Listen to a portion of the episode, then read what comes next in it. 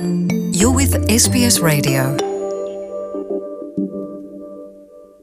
Хей сайн бацгаана уу? Монголчууд та бүхэндээ энэ өдрийн халуун мэндийг хүргье. 7 өнөг бүр та бүхэндээ хүргэдэг Австрали улсад оршин суух хөтжийнхөө энэ удаагийнхаа сэдвэр apprenticeship буюу ажлын байран дээрх дадлагжилтын хөтөлбөрт хэрхэн хамрагдах талаар ярихаар бэлдсэн байна. Залуу цагаачдын хувьд apprenticeship буюу ажлын байран дээр дадлагжиж суралцах хөтөлбөр нь Австралид сонгосон мэрэгчлэрээ карьераа эхлүүлэх сайхан боломж юм а. Энэхүү хөтөлбөрийн хүрээнд ажлын байран дээрээ суралцсангаа цалинтай бүтэн цагаар хагас цагаар эсвэл сургуульд суралцах хугацаанд ч хийж болдгоо. Ажлын байран дээрх сургалтын хөтөлбөр нь суралцсангаа орлого олж шинэ улсад амьдралаа эхлүүлэх сайхан боломж юм.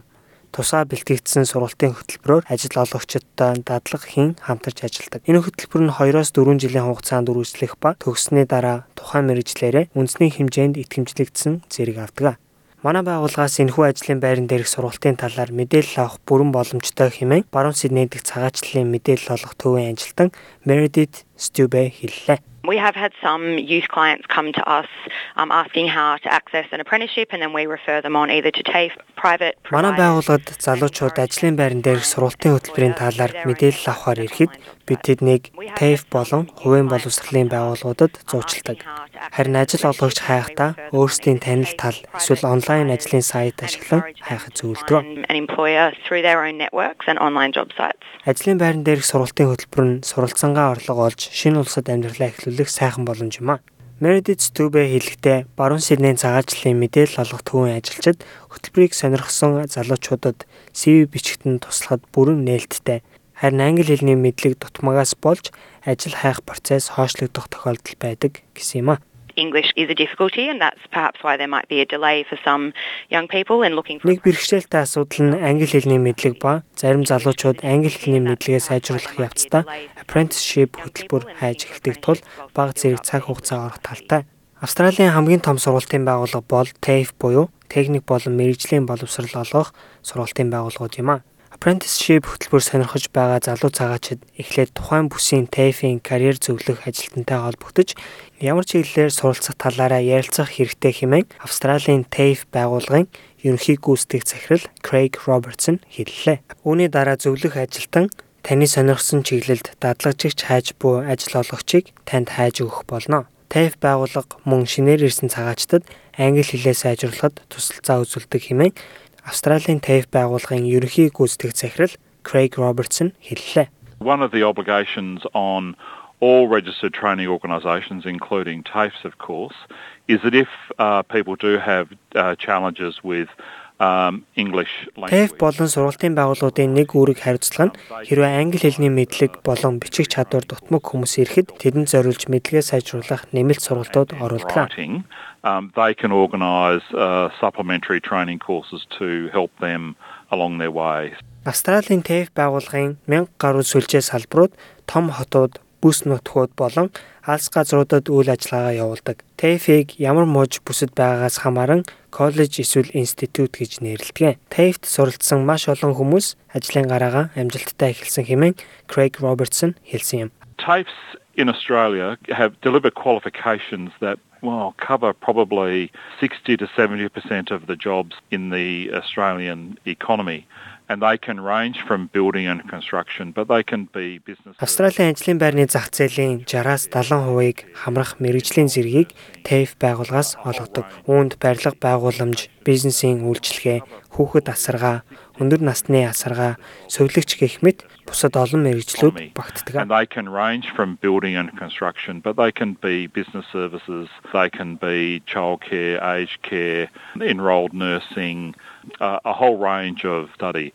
Нэг сайхан мэдээ нь ихэнх шинээр иргэчдэд TAFE курсууд нь үн төлбөргүй байдаг хэмээн Craig Robertson хэллээ. Particularly for new arrivals, the government pays for the majority of those courses. Ялангуяа шинээрсэн цагаачтад ихэнх курсуудын төлбөр засгийн газраас төлөгддөг. Муж болон бүс нутгуудад өөр өөр журамтай байдаг ч хэрвээ тухайн хүн засгийн газрын тэтгэмжинд байдаг бол ерөнхийдөө үн төлбөргүй. But generally if the person is on some form of support from the government, there is generally no fees. National Apprentice Employment Network буюу үндэсний дадлагжих сургалттай хөтөлмөр эрхлэлтийн сүлжээ байгуулга нь энэхүү ажлын байран дээрх сургалтын хөтөлбөрүүдийг удирддаг. Уг байгууллагын гүйцэтгэх захирал Lauren Tiltman үйл ажиллагааныхаа талаар тайлбарллаа. Our organisation looks after approximately 50 organisations who specialise in the employment of apprentices and trainees. They employ about 25,000 apprentices. Манай байгууллага дадлагчигч болон ажлын байран дээр суралцагчдын хөдөлмөр эрхлэлд хариуцсан ойролцоогоор 50 гаруй байгууллагуудыг удирдан ажилладаг. Эдгээр байгууллагууд Австрали даяар 25 мянга гаруй суралцагч болон дадлагчигчдыг ажилд авдаг. Тэдгээрийн 12% нь манай гишүүн байгууллагуудаар дамжин ажилд ордог. Australia, which is about 12% of all apprentices and trainees are employed by one of our members. Lauren Tiltman хэлэхдээ тэдний байгууллагын гишүүн компаниуд олон төрлийн ажлын байрны салбар дах анхан шатны сургалтуудад төвлөрөн ажилладаг гэсэн юм а. The model of group training is that the member organisation employs the person as an apprentice or trainee and they have partner organisations that teach them the on the job Group сургалтын модель нь гишүүн байгууллагууд тухайн хүнийг дадлагчигч сурагчаар ажилд аван хамтарч байгуулгаар тухайн ажлын байран дээрх сургалтыг явуулдаг. Жишээлбэл хэн нэгэн автомашины механикч болохыг хүсвэл манай гишүүн байгуулгаар ажилд орох боловч засварын газарт ажиллан дадлага хийн суралцсан. National Apprentice Employment Network байгуулга нь шинээр иргэчид болон цагаачтад мэрэгжлийн зэрэг авах болон ажил хайх талаар зөвлөгөө тусалцаа олгоход бүрэн нээлттэй хэмээн Lauren Tiltman хэллээ. So their focus is really about getting people that aren't in work into work, and particularly people who have um, additional needs, whether it be language, whether it be coming from a disadvantaged background. Ажилгүй байгаа хүмүүст ажилд ороход нь туслах, ялангуяа тусламж хэрэгтэй байгаа англи хэлний бэрхшээлтэй хөрөнгийн чадвар муу эсвэл шинээр цагаачлан ирсэн гих мэд хүмүүст илүү анхаарлаа хандуулж манай байгууллага ажилддаг. Манай ажилчид энэ тал дээр илүү мэрэгсэн бөгөөд эдгээр хүмүүст тусалж дэмжих бүрэн боломжтой. Migrant background. They specialize in being able to support those people.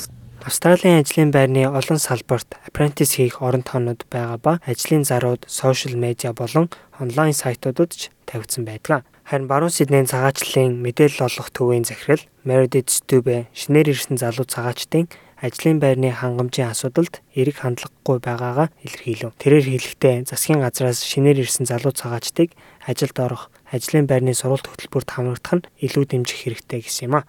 I think that there is scope for improvement. One of the biggest issues that we're seeing is trying to find an employer to take them on, which is obviously the first kind of big step in getting an Миний бодлоор энэ асуудал дээр илүү анхаарлаа хандуулж сайжруулах хэрэгтэй байна. Бидний харж байгаагаар хамгийн чухал бөгөөд том асуудал бол тэднийг сургаж дадлагжуулах, ажил олгогч хайх явдал юм. Хэрвээ эдгээр шинээр ирсэн хүмүүст илүү боломж олгож туслалцаа үзүүлбэл энэ маш том дэмжлэг болох юм I think that if there was more support for new arrivals in that, then that would be a huge help.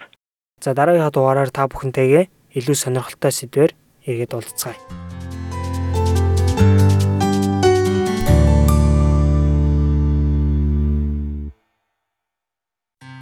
Enjoy more stories in your language by visiting sbs.com.au.